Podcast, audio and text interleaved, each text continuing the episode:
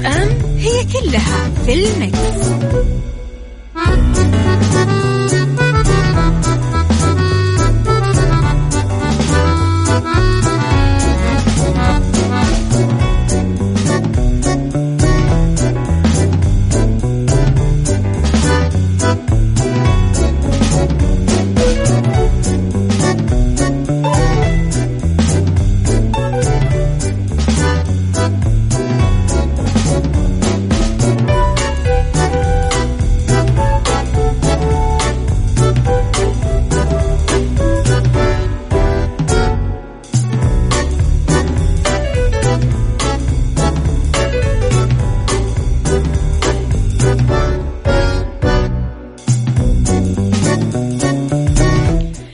يسعد لي صباحكم ويا وسهلا فيكم على إذاعة Mix FM في عيشها صح من الأحد للخميس من عشرة الصباح إلى واحدة الظهر كل يوم.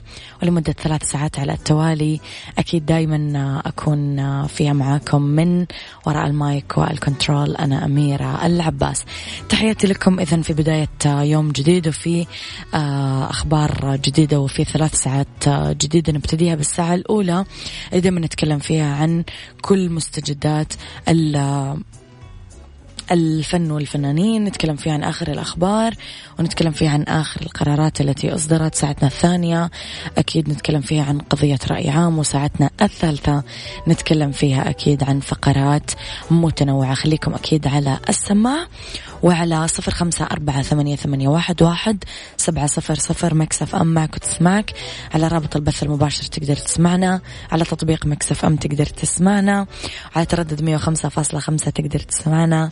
في جدة وعلى ثمانية وتسعين تقدر تسمعنا بالرياض والشرقية على at Mix FM Radio تلاقينا في تويتر وسناب شات وإنستغرام وفيسبوك. حاضر راح أعيد رقم الواتساب على صفر خمسة أربعة ثمانية, ثمانية واحد, واحد سبعة صفر صفر.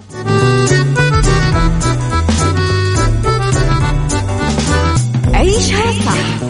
مع أميرة العباس على مكتف أم مكتف أم هي كلها في المكس.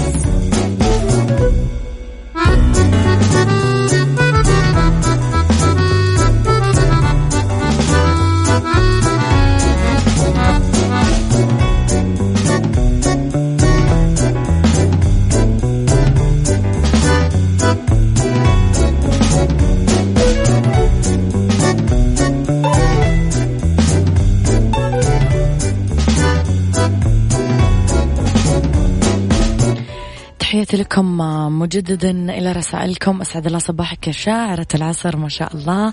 اللهم صل على النبي. أشعارك مرة حلو من أشد معجبينك. عبود من جدة شكرا. عبود من جدة. السلام عليكم ورحمة الله وبركاته. صباح الجمال صباح السعادة صباح الورود لأميرة مكسف أميرة العباس. صباح الدلال والحب للغالية على قلبي أم أمير. آه صديق برنامج أمير العباس سلطان أبو أمير صباح الخير. عزة الشاذلي صباح الخير. لخبرنا الأول 7800 متقدمة للتسجيل في مركز المصالحة من بين 17 ألف. كشفت وزارة العدل تقدم نحو 17 ألف شخص للتسجيل مصلحين في مركز المصالحة منهم 7800 من النساء يعني بنسبة 46% وكذلك خلال 20 يوم. هذا كله يأتي بعد إتاحة وزارة العدل الممثلة بمركز المصالحة للرجال والنساء التقديم.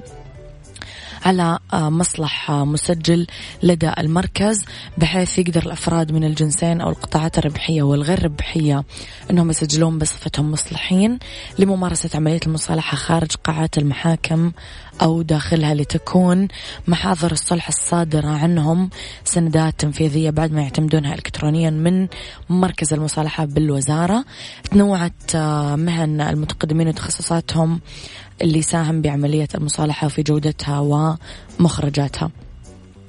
نتكلم على قائمة المتقدمين. اشتملت 278 أستاذ جامعي 29 طبيب 344 محاسب 1155 محامي 2380 معلم 212 مهندس وأكثر من 14600 من المتقدمين. عندهم شهادة البكالوريوس و1785 متقدم درجة الماستر و417 متقدم شهادة الدكتوراه. أكدت الوزارة كمان أنه الملتزمين راح آه أنه المتقدمين راح يلتزمون بأكثر من 220 ألف جلسة مصالحة تطوعية ويشترط على المسجلين يقدمون 10 جلسات بحد أدنى خلال عام. عيشها صح مع أميرة العباس على مكتف أم مكتف أم هي كلها في المكس.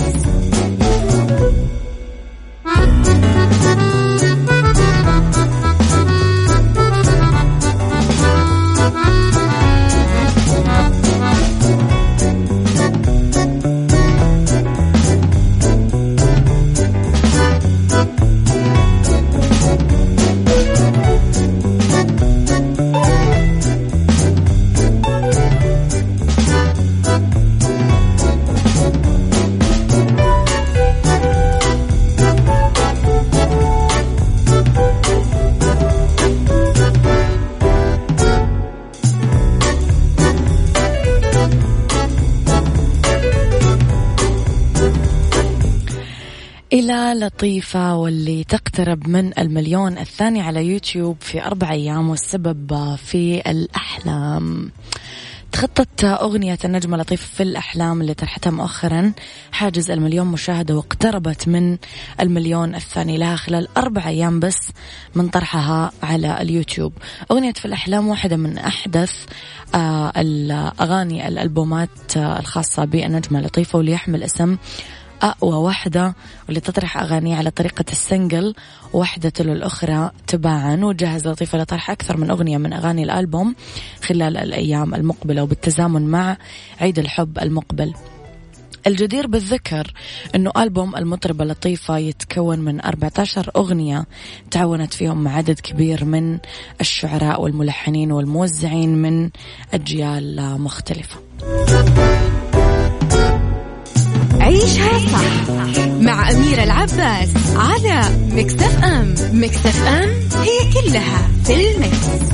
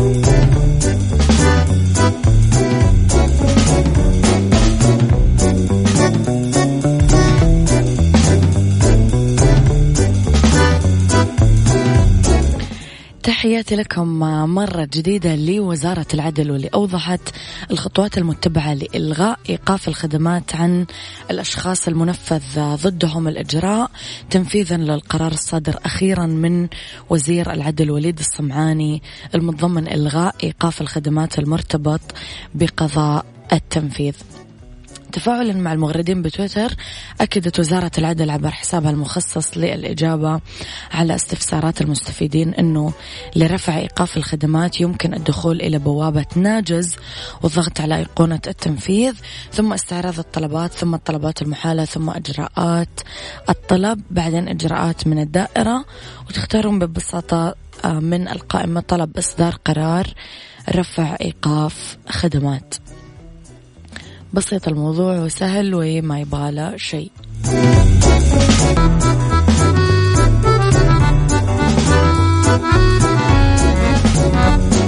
تعال وعيش حياتك عوض كل شي فاتك عيش أجمل حياة بأسلوب جديد. في دوامك أو في بيتك حتلاقي شي يفيدك وحياتك إيه راح تتغير أكيد. رشاق ويتوكيت أنا قف كل بيت. ما عيشها صح أكيد. حتعيشها صح في السيارة أو في البيت. اسمعنا والتوفيق. تبغى الشيء المفيد. ما عيشها صح.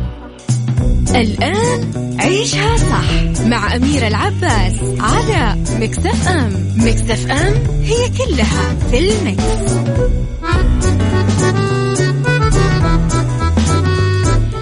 يسعد لي صباحكم ويا وسهلا فيكم على إذاعة Mix FM. تحياتي لكم في ساعتنا الثانية على التوالي.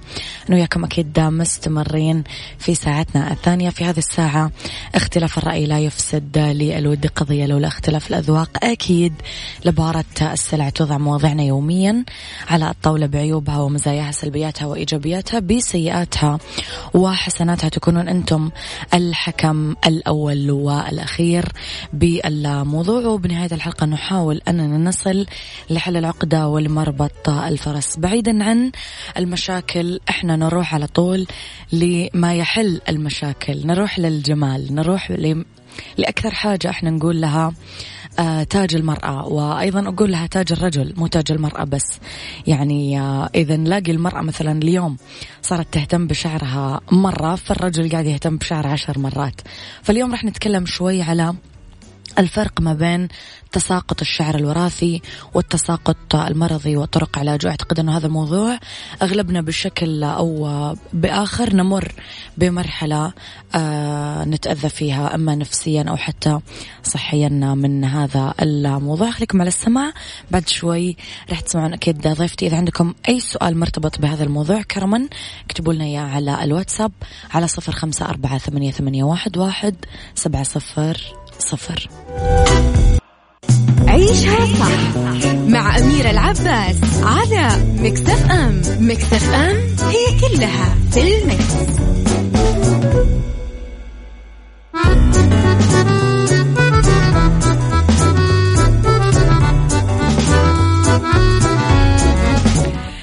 تحياتي لكم ويسعد لي صباحكم مجددا إلى كل الجمال واللي راح نبتدي فيه أكيد من الرأس وأكيد لما نتكلم على الرأس راح نتكلم حتما على الشعر الفرق ما بين تساقط الشعر الوراثي والتساقط المرضي وطرق علاجه. خليني أرحب بضيفتي في الاستوديو دكتورة ياسمين حلمي أخصائية أمراض الجلدية وتجميل في عيادات المدى الطبية للجلدية والتجميل يسعد صباحك دكتورة. نرحب فيك أكيد في إذاعة مكسف أم. النهارده. أنا مبسوطة كثير دكتورة إنه أنت موجودة. دكتورة آه، مؤخرا شفنا آه، إنه الشغل الشاغل آه، للنقاط الجمالية تحديدا مو بس عند المرأة صار لا حتى عند الرجل هو موضوع الشعر. أبغى أسألك في البداية سؤال كذا فضولي. تحسي اليوم الناس اللي بتجي عندك العيادة صارت أكثر بنات ولا شباب في القياس العام يعني؟ اللي موضوع الشعر. لا ابتدوا برضه هم كمان ياخذوا بالهم من المشكلة دي هم كمان. الشباب بدأوا يشتكوا من موضوع الصلع وتساقط الشعر. كثير طيب دكتورة في البداية ما معنى تساقط الشعر؟ كيف أنا يعني كيف أعرف موضوع التساقط؟ طيب بصي يا أميرة. دلوقتي الطبيعي بتاعنا إن أنا يقع مني من 50 ل 100 شعراية في اليوم. نعم. آه اللي مش طبيعي إن أنا يقع مني أكتر من 100 شعراية في اليوم ان يكون أصحى من النوم ألاقي في شعر على المخدة أقعد ألم شعري من على الأرض بتاع الشقة م. وأنا باخد الشاور بتاعي ألاقيه في البانيو. كل ده مش طبيعي. ده ساعتها لازم أستشير طبيب.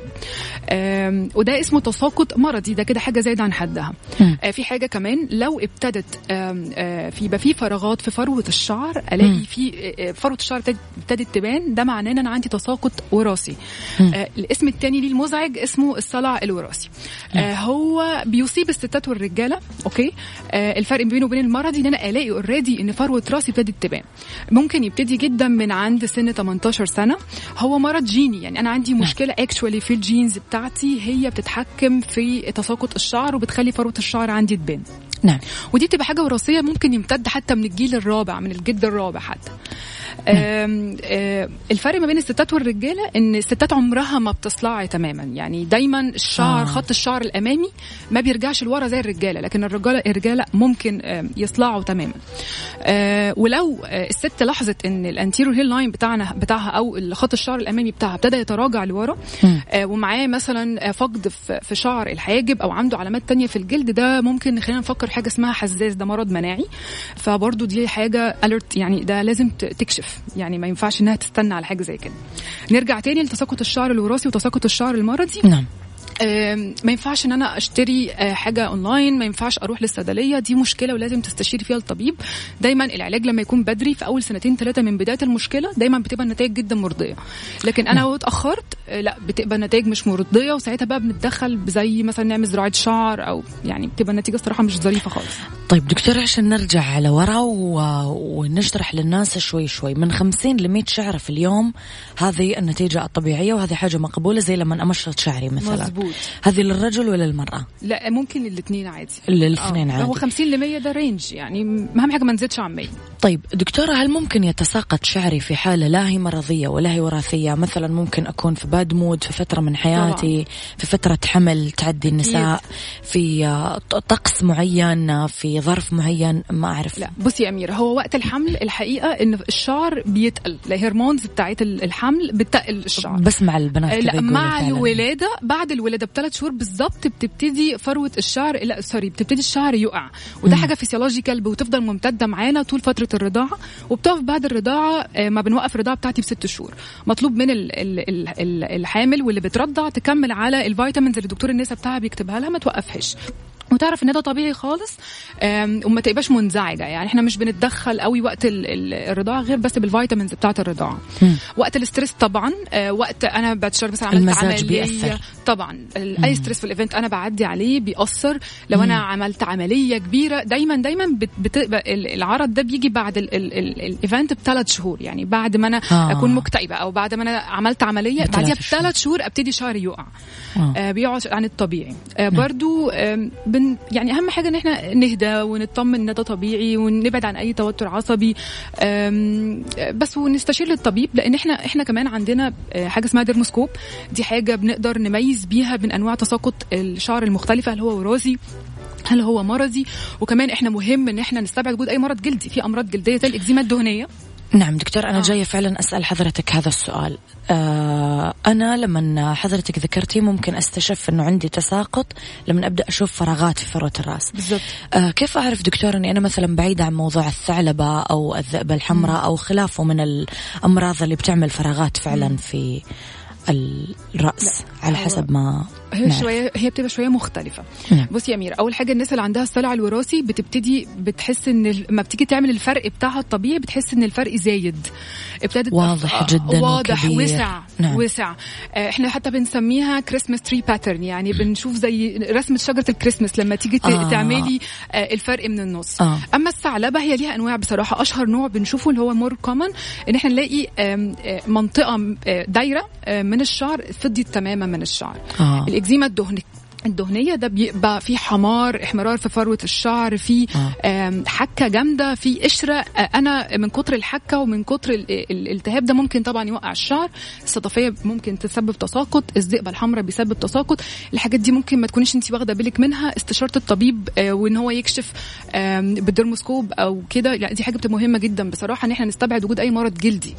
البنات ساعات بتستسهل تنزل الصيدلية تاخد أي vitamins تجيب من online shopping أي حاجة. بس يعني بعد بقى يعني لما الموضوع يبقى أوحش بقى تيجي تجي لنا ساعتها بيبقى النتائج مش مرضية خالص في العلاج. إحنا حنتكلم أكيد عن العلاج. دكتورة بالنسبة لموضوع مثلا الإفرازات الدهنية الكثيرة عند بعض في ناس شعرها دهني بطبيعته زي البشرة مثلا أو الناس اللي بتعاني من القشرة هل هذه الموضوعين أصلا سبب فعلا في فترات تساقط الشعر اللي بتمر. آه آه طبعا طبعا. آه بيسبب الحكه والالتهاب اللي حاصل ده بي بيسبب تساقط للشعر. وعايزة أقول لك هو المريض الاكزيما الدهنية غالبا ما بيخفش. يعني إحنا بنقعد نعمل control بحاجات فيها كورتيكوستيرويد حاجات فيها مضاد للالتهاب حاجة فيها salicylic acid شامبوهات مضاد للفطر وكل حاجة وقت ما يكون أنا عندي الموضوع قوي. آه بس لو ال patient ما بيشتكيش من حاجة بمشيه دايما على شامبوهات مضادة للفطريات على الأقل مرة في الأسبوع عشان بس ما تردش عليه تاني. بس actual المريض الإكزيما الدهنية كمان بيعاني منها عند منطقة الحواجب آه حوالين الخشم ورا الأذن منطقة الصدر دي كلها أماكن آه يعني آه علامات لوجود مرض الإكزيما الدهنية. أنا وياك رح نطلع break قصير ونرجع نكمل الحوار مره أخرى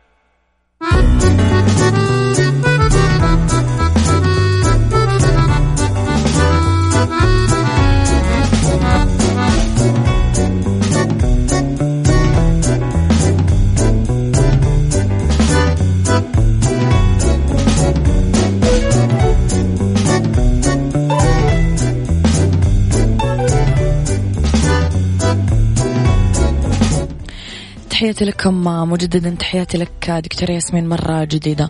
دكتورة قلتي أول ما ألاحظ أنه عندي مشكلة لازم دايركت أروح على طول لي آه طبيب طبيب جلدية. آه طبعا. طبيب, طبيب جلدية على طول أنا أروح. آه لأنه دكتورة في ناس آه، يعني ما ما بتتصرف صح بتروح لصالون. آه لا ده أكبر غلط. فيعني الصالون مو شغلته الصالون حيحل الشعر بس ما حيعالج المشكلة بالزبط. اللي فيه. مش هيعرف يشخص أصلا أنا عندي أني نوع من أنواع التساقط هل أنا عندي مرض جلدي ولا لا. يعني يعني ساعتها بتروح الدكتور بيبقى too late يعني على العلاج. طيب دكتور أول ما بتجيك الحالة عادة كيف تتعاملون معها؟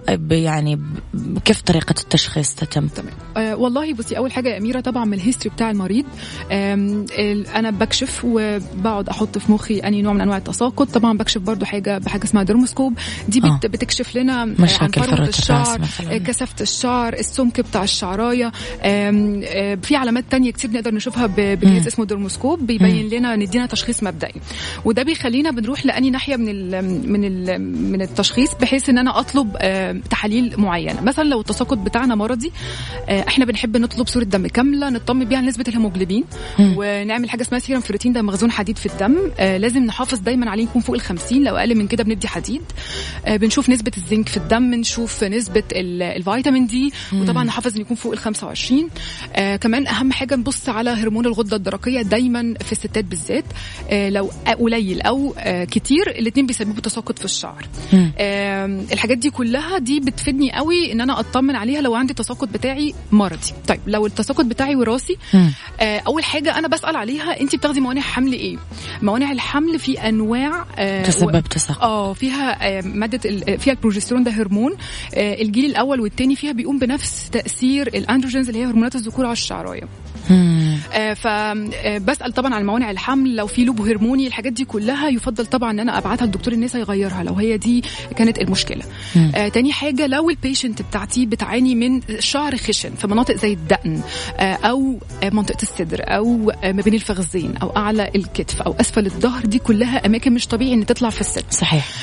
مع حبوب حب الشباب اللي هو المكلكع اللي بيسيب حفر الثلاث حاجات دول ده دايما بيخليني مع لخبطة الدورة الشهرية ده بيخليني بتخليني أفكر في تكيسات المبايض. أبعتها لدكتور نسا. نعمل آه، سونار على المبيضين. نعمل تحليل الأنوثة هرمونات الأنوثة وهرمونات الذكوره آه، مش شرط خالص إن ألاقي هرمون الذكورة بتاعي عالي. آه، ممكن جدا يكون أنا البصيلات الشعر بتاعتي حساسة للنسبة الطبيعية. فبس برضو يفضل إن أنا أعمل كل التحاليل دي. طبعا هرمون اللبن برولاكتين وآخر حاجة برضو الغدة الدرقية. كل الحاجات دي لازم أعملها وأستبعد وجود أي سبب. لو حطيت إيدي على سبب ببعت على طول لدكتور غدة صماء أو دكتور النساء بحيث إحنا نشتغل مع بعض as teamwork يعني. دكتورة حضرتك بتتكلمي بطريقة طبية جدا وعلمية جدا ورائعة جدا لو تحدثوا فيها كل الدكاترة. الأغلب دكتورة الحين يعني مثلا نسبة كبيرة من الأطباء نروح لهم يكرر نفس الكلام. تعال أعطيك بلازما. حل سريع و... ودايما الواحد ما بيلقى نتيجة لأنه يكون في خلف الكواليس أصلا مشكلة هو ما حلها بالزبط. فدكتورة كيف أنا أقدر فعلا أختار طبيب أنا أثق فيه وفعلا أسلمه نفسي في هذه الحاجة؟ لأنه في حاجات ما فيها لعب يعني. أنه okay حطيت لي إبر بلازما أنا عندي أصلا مشكلة. مثلا يعني. okay. أنا مع آه، إن أنا أول حاجة أحط إيدي على التشخيص الصح. هو ال patient المريض جاي ليا عشان أنا أشخصه تشخيص مظبوط. آه وأدله على العلاج المظبوط. آه مش دايما بصراحة يعني الحق يتقال الجلسات هي عوامل مساعدة. آه في عامل أساسي إن أنا أحط إيدي على السبب okay؟ وأدي علاج طبي مظبوط إلى جانب الجلسات. الجلسات دي زي ما قلت لحضرتك حاجة بتديني آه، بتزق بتزقي معايا بحيث إن أنا أوصل لنتيجة حلوة. وفي وقت قليل. مش هقول إن هي آه، مش مفيدة لا طبعا هي مفيدة جدا وبتجيب نتائج حلوة بتخليني بدل ما أنا أقعد أتحسن من سنة لثلاث سنين على العلاج الطبي فقط لا ممكن ألاقي نفسي آه، متحسنة في خلال من ثلاثة لست شهور. على الأقل أعمل control لكمية التساقط قوي آه، حبة الشعر الموجودين على الأقل ما بقاش أوحش okay؟ لحد ما يعني كله بيشتغل مع بعض. حتى أتعالج يعني. بالضبط نعم. بالضبط. رح نطلع أنا وياكي كمان break ونرجع نكمل حوارنا مرة أخرى.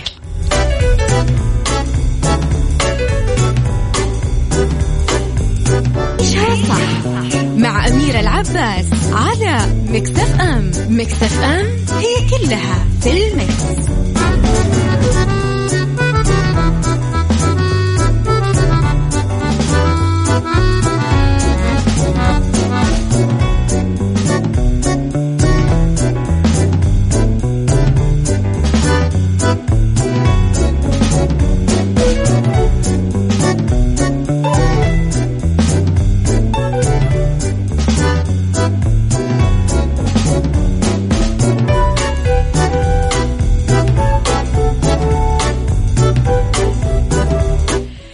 تحياتي لكم مجددا. تحياتي لك دكتورة ياسمين مرة جديدة. دكتورة قبل ما نبدأ بمرحلة العلاجات اللي راح تشرحي لنا إياها حضرتك عندنا سؤالين راح ناخذهم بشكل سريع من الناس. في خالد القزلاني يسألنا هل يؤثر السكر والضغط على زراعة الشعر؟ أعتقد أنه يقصد هل يستطيع مريض السكر والضغط أنه يزرع شعر؟ طيب. خلينا الأول نقول أنا إمتى بعمل زراعة شعر. أوكي. إحنا اتفقنا إن أنا كل ما اعالج المشكلة بدري في أول سنتين ثلاثة دايما بتبقى النتائج مرضية. نعم. طيب لو أنا آه، اخذت كل العلاجات وقعدت سنة واثنين وثلاثه آه، ما ما ما اخذت فايدة. آه ما فيش نتيجة. ممكن نفكر في زراعة شعر. وأكشوال أنا ممكن أعمل زراعة شعر في أي وقت.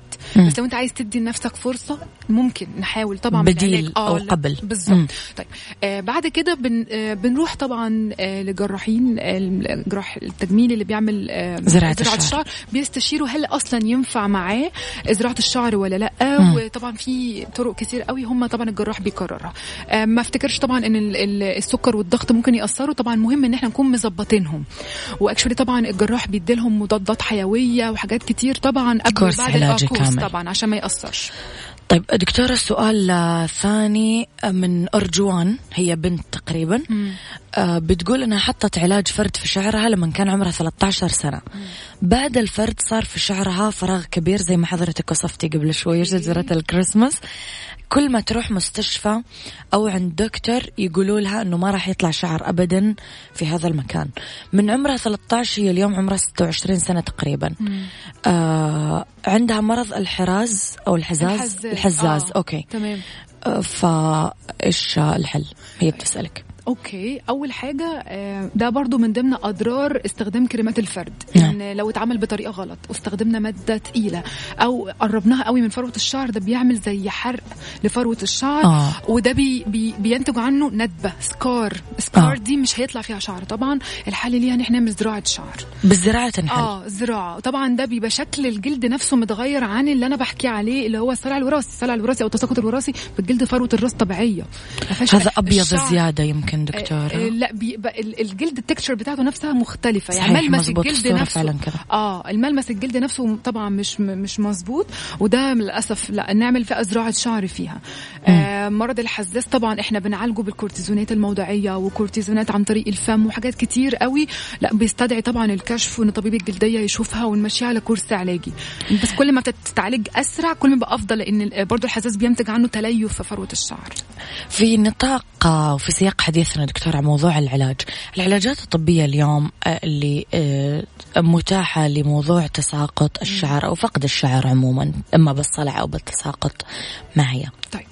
أنا بقسم دايما العلاج يا أميرة لعلاج طبي وعلاج جراحي. okay. الجراحي اللي إحنا اتكلمنا عليه اللي هو okay. ده مش بتاعنا. okay؟ آه. آه موضوعنا دلوقتي عن العلاج الطبي. أنا بحب أعمل أمشي زي يعني FDA approved أدوية ال FDA approved لعلاج تساقط الشعر. okay؟ إحنا آم، منظمة الصحة العالمية. آه، نعم. هيئة الغذاء هيئة الغذاء والدواء. آه، نعم بالظبط. هي أول حاجة آه، أنا بحب بصراحة أنا من مدرسة إن أنا أدي مينوكسيديل آه، نعم. أنا عارفة المينوكسيديل مزعج لناس كتير وأول يعني دكتورة؟ مينوكسيديل؟ دي ماده آم، كانت زمان بيستخدموها لعلاج الضغط. نعم. اكتشفوا إن هي بتزود شعر ومحدش لحد دلوقتي بيحط theories آه لطرق إن هي إزاي بتشتغل بس محدش برضو عارف actually هي بتشتغل إزاي. آه. هي في الآخر حاجة بتكتر كمية الدم اللي رايحة للدم للفروة فروة الشعر بتك... بتخن قوي سمك الشعراية فبتحافظ على اللي موجود وبتنبت شعر جديد. هي تحقن دكتورة ولا لا تأخذ دواء فندم ولا لا كيف؟ حاجة موضعيه نعم. آم، موجودة بتركيز 2% و5% 5% دايما أقوى. آه، بنستخدم موضعي يوميا. وبقول لمريض ال- التساقط الوراثي ما توقفوش. ليه؟ لأن ده حاجة وراثية. في مشكلة في ال genes. أنا أقدر لو أنا عندي سكر وراثي أبطل آخد إنسولين؟ هينفع لو أنا عندي ضغط وراثي أبطل ما. آخد؟ ما ينفع. فنفس المشكلة برضو لو أنا عندي تساقط الشعر بتاعي وراثي. مش هينفع أبطل مينوكسيديل مش هينفع. دكتورة هذه المادة تستخدم ممكن حتى للناس العاديين اللي شعرهم خفيف ولا لازم أحد يكون عنده مشكلة لا إحنا ممكن نستخدمه في كل أنواع التساقط بما فيها الثعلبة آه. آه، بس الفرق إن أنا في الوراثي ما بوقفش في أي مشكلة تانية once إن أنا حليتها وقتها. بوقفها مم. بوقف بصي هي المادة دي مشكلتها في حاجة يا أميرة برضو إن هي بتعمل جفاف في الشعر آه. آه، فالناس ممكن ما, ما تحبش تكمل. مو آه، مشكلة يا دكتور أهم شيء بالظبط أهم ينبت شيء الشعر يطلع حلو ينبت. مظبوط وده حاجة FDA approved يعني معنى إن هي FDA approved إن هي ما عليها أضرار جانبية بالظبط، كثير. بالظبط طيب غيرها دكتورة إيش ممكن كمان عندنا آه، حلول؟ برضو في أقراص بتتاخد آم، مادة الفينسترايد للرجالة مادة الألدكتون للستات برضو ده حاجة FDA approved بالنسبة دي فكرة كلها للمواد دي إن أنا بوقف تأثير الهرمون على الشعراية. إحنا اتفقنا لا أنا عندي يكون المشكلة ممكن يكون هرمون زيادة أو أنا حساسة من النسبة الطبيعية. okay؟ فأنا لما بدي الاقراص دي وزي ما قلت لحضرتك هي FDA approved ده للرجالة وده للسيدات بوقف تأثير الهرمون على الشعراية فما تكسرهاش. خلينا شوية دكتورة في موضوع الأدوية عشان ننتقل للموضوع اللي بعده. آه، موضوع الأدوية حنبتدي number 1 بما يقال. أنا أنقل لك كلام الناس. آه، البيوتين. الناس أكثر شيء بتتكلم عنه. وبعد كذا دكتورة العلاجات اللي بتنباع في الصيدليات الماركات التجارية المعروفة. تمام. بعد كذا نبدأ للتخبيص اللي بيصير في السوشيال ميديا. الخلطات ال- ال- الأعشاب الحبوب الغريبة الكبسولات اللي ما نعرف من فين بيجيبوها. إلخ. آه اللي آه أكثر حاجة دكتورة بيشتكوا الناس من البيوتين أو العلامات الثانية إنه بيطلع شعر في كل الجسم. أوكي. مو بس في الرأس. وبيطلع حبوب كمان. وبيطلع آه. وبعضها بيفتح الشهية وبي وبيسمنوا. آه آه. فإيش تعقيبك دكتور على هذه المواضيع؟ طيب هي طلعت موضة كله بيعم بيشتري biotin online نعم، okay بالضبط. actually ال American Academy ما قالتش يعني لا ما حدش خالص أقر ان هو بيشتغل على الشعر أصلا ده بيشتغل أكتر على ال- الضوافر حتى تأثيره على الشعر قليل جدا مم. وبيطلع لنا حبوب بجد هو ملوش أي role خالص على الشعر إحنا اتفقنا حديد نظبطه آه، مخزون حديد يبقى فوق ال 50 فيتامين دي فوق ال 25 ناخد زنك آه، نظبط نظبط لو في أي مشكلة في الغدة الدرقية ناخد آم آم آم حاجات موضعية اللي هي ال ampoules والبخاخات اللي هي اسمها hair tonics الحاجات اللي بتساعد. مم. بس زي ما إحنا اتفقنا لو وراثي ما يغنيش المينوكسيديل أو بدائل المينوكسيديل الحاجات بتشتبه بتشتغل شبه المينوكسيديل شوية. هم بنلاقيها دكتورة في الصيدليات آه عادة؟ موجودة. في آه. لما بصي المينوكسيديل مثلا ما أقدرش أستخدمه لحد حامل أو بيرضع فأنا في بدائل كتير أقدر أستخدم أستخدمها. بدل المينوكسيديل بس زي ما قلت لك الأساسي أظبط أي مشكلة عندي في العناصر الغذائية الناقصة عندي. دي أهم حاجة. البيوتين الصراحة أنا ضده تماما يعني. اللي بنجاب أونلاين ده بصراحة. وال brands الثانية دكتورة اللي بتنباع في الصيدليه اللي مشهورة يعني مؤخرا ترند هي كثير. مع ولا ضد؟ أنا أنا أنا مع أشوف ال patient الأول محتاجها ولا لأ. أظبط له الحاجات الأساسية. كل أنا ما بحبش أكتر عليه. أديله الأساس. أديله الحاجات الأساسية. أنا بقى, بقى مع إن أنا اعمل أعمل الجلسات هيبقى مع العلاج الأساسي اللي إحنا اتفقنا عليه إن أنا أظبط له العناصر الغذائية والمينوكسيديل والكلام ده كله. أدي بقى جلسات جلسات عندي في العيادة. آه الجلسات ممكن أستخدم الميزوثيرابي أستخدم البلازما وأستخدم الخلايا الجذعية. أنا عندي حاجات كتير أقدر أستخدم أختار واحدة منهم أمشي أمشي بكورس يعني بطريقة واحدة أو أشكل يعني على حسب اللي قصادي حالته مستدعية إيه. آه طب هي لو عندها أنيميا عندها أمراض مناعيه عندها أمراض في الدم ما استخدمش مثلا البلازما استخدم الخلايا الجذعية. تمام هي كلها عبارة عن بروتينات مليانة عوامل نمو عوامل بتحفز آه الدم اللي رايح بتخن الشعرايه نعم. بالمقارنة البسيطة دكتورة ما بين البلازما والخلايا الجذعية في بعض الدكاترة ذكروا أنه مثلا لو كان الشخص مدخن أو كان الشخص مثلا تغذيته سيئة أو حضرتك تفضلتي بأمراض مناعية مثلا معينة ما ينفع يعمل بلازما. رأيك في موضوع التدخين والتغذية السيئة هل فعلا ما ما ما, ما يقدر يعمل بلازما؟ بيقولوا دمه أصلا مو صافي ف هو الفيصل ما بين التحليل. نحن نعمل صورة دم كاملة ونشوف. ونرتاح من آه بالضبط. آه يعني لو أنا شاكة طبعا أعمل CBC. دكتورة الخلايا الجذعية نتيجتها أسرع يمكن؟ آه والله هم الاثنين كويسين جدا. الاثنين كويسين آه على حسب الحالة. أشوف نتيجة حلوة في أول على الأقل على الأول ثلاث شهور. ال patient فعلا بيحس إن في نتيجة حلوة. آه. طيب دكتورة السؤال كمان عندنا قبل ما نتكلم عن أغلاطنا إحنا كيف بنتعامل مع شعرنا. عندها بنت عمرها ست سنين وعندها تساقط شعر استخدمت زيت خروع لأكثر من ست شهور. ولنا الحين في تساقط بس خفيف. طيب. أول حاجة الأطفال إحنا ما بنعملش حاجة غير إن إحنا نغذيهم كويس ونشوف طبعا تحليل الدم بتاعها أخباره إيه. لو عندها نقص في مادة الهم... في الهيموجلوبين يعني عندها أنيميا آه لأ بدي حديد. okay غير كده ما بعملش أي حاجة خالص للأطفال. أغذيهم كويس آه أسرح شعرها كويس. بلاش أسرحه وهو مبلول بلاش أشده وأقطعه في إيدي. دايما الأمهات هم اللي بيسببوا التساقط وبيعملوا نحل للشعر. بيطولوه دكتورة كثير كمان يعني طفل. آه okay بس ما, ما أنا بقول لحضرتك إحنا ما, ما نشدش الشعر من أوله لآخره بالراحة. مم. وبعدين ما ما ما نلمش الشعر جامد قوي كده بتوكة ونلفه. آه الطاقية الحاجات دي كلها بتكسر الشعر وبتنحله. فبنعامل شعر الأطفال بالراحة جدا بنغذيهم كويس ما بنعملش حاجة غير كده. ما بندخلش قوي قوي بقوة يعني في الأطفال. طب دكتور موضوع الزيوت ما تحسي إنها مؤذية للفروة شوية؟ آه لا والله زيت الخروع والزيتون وجوز الهند الحاجات دي لو اتعملت زي حمامات زيت لا والله لا كويسة. كويس. أوكي. بس أنا قلت لك في حاجات أساسية وفي حاجات زي عوامل مساعدة.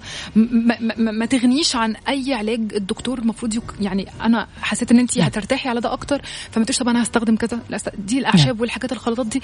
أوكي عوامل مساعدة. ممكن تحسن من ال طبيعة الشعر. تنبت شعر؟ لا. نعم. بريك قصير دكتورة ونعود مجددا. عيشها صح مع أميرة العباس على مكتف أم مكتف أم هي كلها في المكس.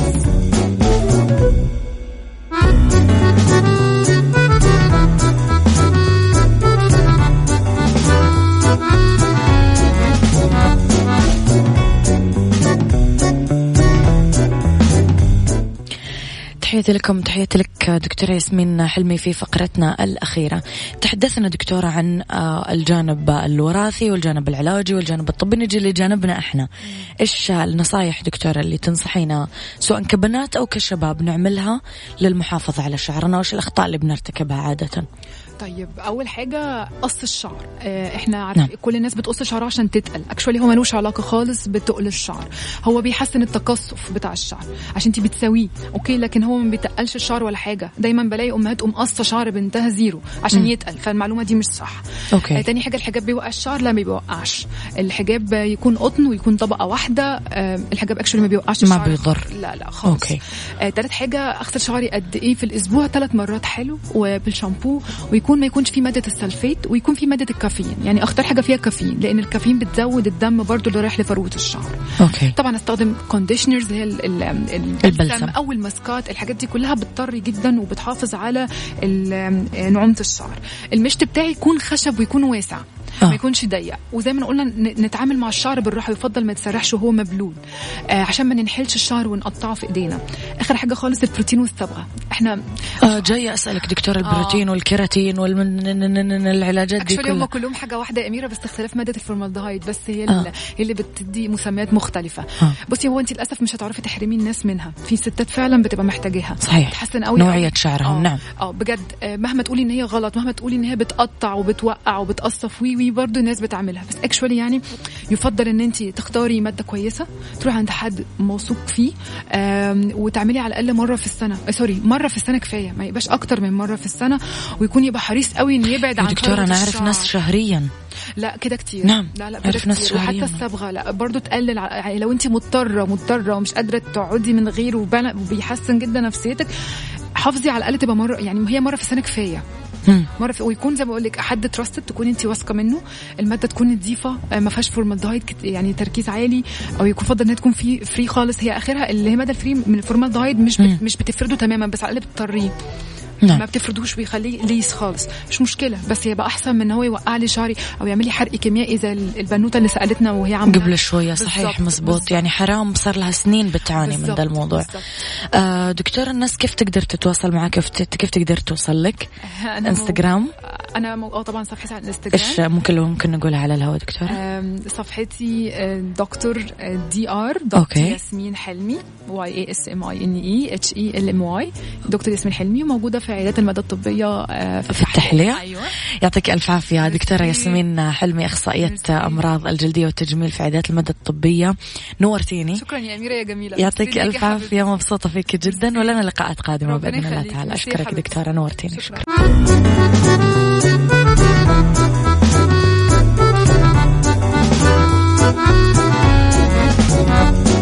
تعال وعيش حياتك. عيش أجمل حياة بأسلوب جديد. في دوامك أو في بيتك حتلاقي شي يفيدك وحياتك إيه راح تتغير أكيد. رشاق ويتوكيت أنا قف كل بيت. ما عيشها صح أكيد حتعيشها صح. في السيارة أو في البيت اسمعنا والتوفيق. الشيء المفيد ما عيشها صح الآن عيشها صح مع أميرة العباس على مكتف أم مكتف أم هي كلها في المكس.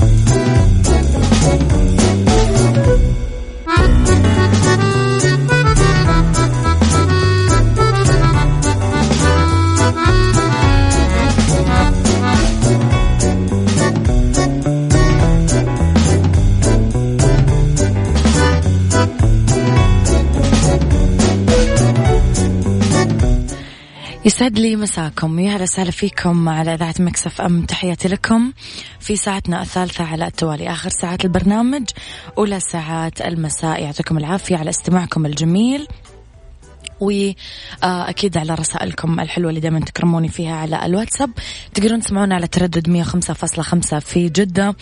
وتقدرون تسمعونا على تردد 98 بالرياض والشرقية رابط البث المباشر تطبيق ميكس اف ام كمان. بكل بساطة تقدرون آه، تسمعونا عليها. أيضا على at ميكس اف ام راديو تويتر سناب شات إنستغرام وفيسبوك تسهل لكم على طول. طرق التواصل معنا إذا في هذه الفقرة رح نتكلم أنا وياكم اليوم عن اتيكيت ورح نتكلم عن أرض ورد ورح نتكلم عن ربط أحزمة. تحياتي لكم. وين ما كنتم خليكم على السماع.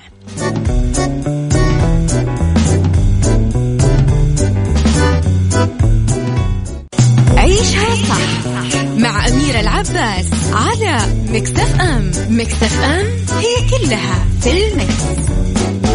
Thank you.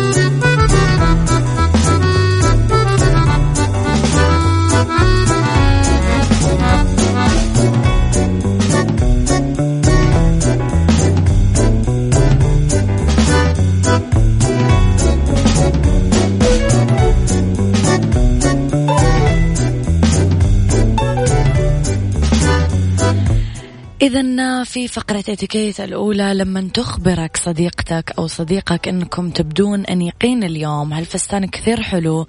راح ينعقد لساننا وتغيب الكلمات المناسبة عن عقلنا بأكثر المواقف اللي نود التعبير من خلالها عن شعورنا بالامتنان للناس اللي تمدحنا وينتهي فينا الأمر بشكرهم والابتسام على الرغم من رغبتنا في قول المزيد. أول شيء نتكلم على الإطراء على الشخصية. لما تنمدح شخصيتنا. راح نرد على الأطراء بعفوية. شكرا من ذوقك شكرا يعطيك العافية. هذا من لطفك. لا تتمادون بالشكر لتجنب المبالغة وتحلوا بالتواضع. إذا آه، صار الأطراء على مظهركم عيونك الحلوة شكرا. أنتم كمان حلوين. آه أنت أنتم أنيقين أكثر مني وهكذا.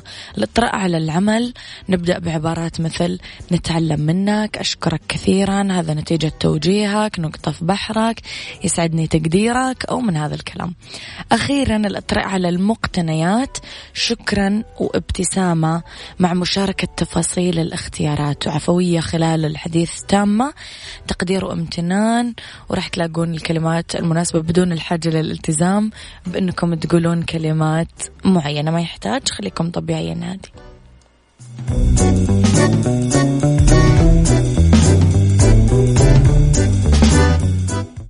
أرض وورد مع أمير العباس في عيشها صح على ميكس اف ام ميكس اف ام it's all in the mix.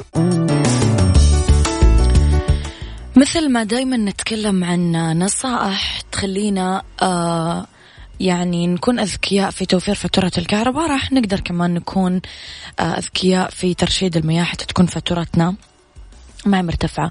قفلوا صنبور الموية وأنتم تفرشون أسنانكم للحد من إهدار الموية. أعيدوا استخدام الماء. يعني ممكن تحتفظون بالماء المستخدم مثلا بغلي المكرونة أو البيض أو غير كذا بوعاء جانبي كبير ومثلا اسقول النباتات أو في الحديقة فما يصير إهدار للموية. آه، ري المزروعات صباحا أو مساء. آه، صباح أو مساء. آه، لا لا تسقون الزرع أو النبات لما تكون أشعة الشمس عالية. لأن أشعة الشمس المرتفعة تخلي الموية تتبخر وتجنبوا أنكم تنتبهون آه أنه ما تسقون المزروعات نفسها. يعني مو الشارع والرصيف والبيبان والري بالتنقيط بدلا من الرشاشات لأنه يستهدف الأماكن اللي تحبون تسقونها بالتحديد وبالتالي يوفر من استهلاك الموية. في طرق أخرى لتوفير المياه. خذوا حمام قصير أو دش بدلا من الاستحمام لمدة طويلة أو ممكن تشغلون غسالات الملابس والصحون وهي ممتلئة مو لازم يعني وهي فيها بس قطعة واحدة.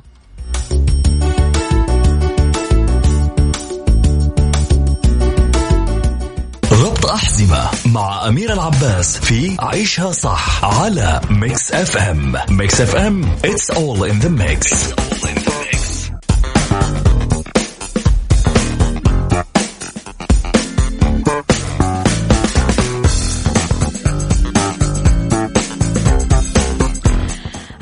السياحة في بولندا. تجتذب أعداد كبيرة. من السياح نتكلم عن 14 مليون زائر سنويا يروحون مدن بولندا الشهيرة العاصمة آه، وارسو وكراكوف وغيرها من المدن تتنوع خيارات السياحة في بولندا. مناطق طبيعية ساحرة أماكن تاريخية ترفيهية ثقافية. يعتبر الشعب البولندي من الشعوب الودودة اللي ترحب بضيوفها على الدوام. السياحة في وارسو عاصمة بولندا ومن أهم مدن بولندا. السياحية حاضنة للكثير من المعالم السياحية اللي تجعل منها واحدة من أهم مناطق السياحة. كمان نتكلم على كراكوف على نهر فيستلا من أهم مدن بولندا السياحية. تمتلك إرث كبير آه، وتاريخ وثقافة باعتبارها من أقدم المدن في بولندا. تضم مجموعة من المعالم السياحية قلعة فابل أو قصر ملوك بولندا. منتزه تاترا الوطني من أشهر الأماكن السياحية كمان في بولندا. وجهة لعشاق المناظر الطبيعية الساحرة. يقع هذا المنتزه جنوب بولندا ويضم مساحات واسعة من الغابات والمروج الخضراء إضافة للكهوف والتشكيلات الصخرية اللي تنتشر في جبال تاترا الشهيرة. يضمن المنتزه كمان كثير من البحيرات وشلال يدعى شلال ويلكا سيكلاو اللي يرتفع 70 متر.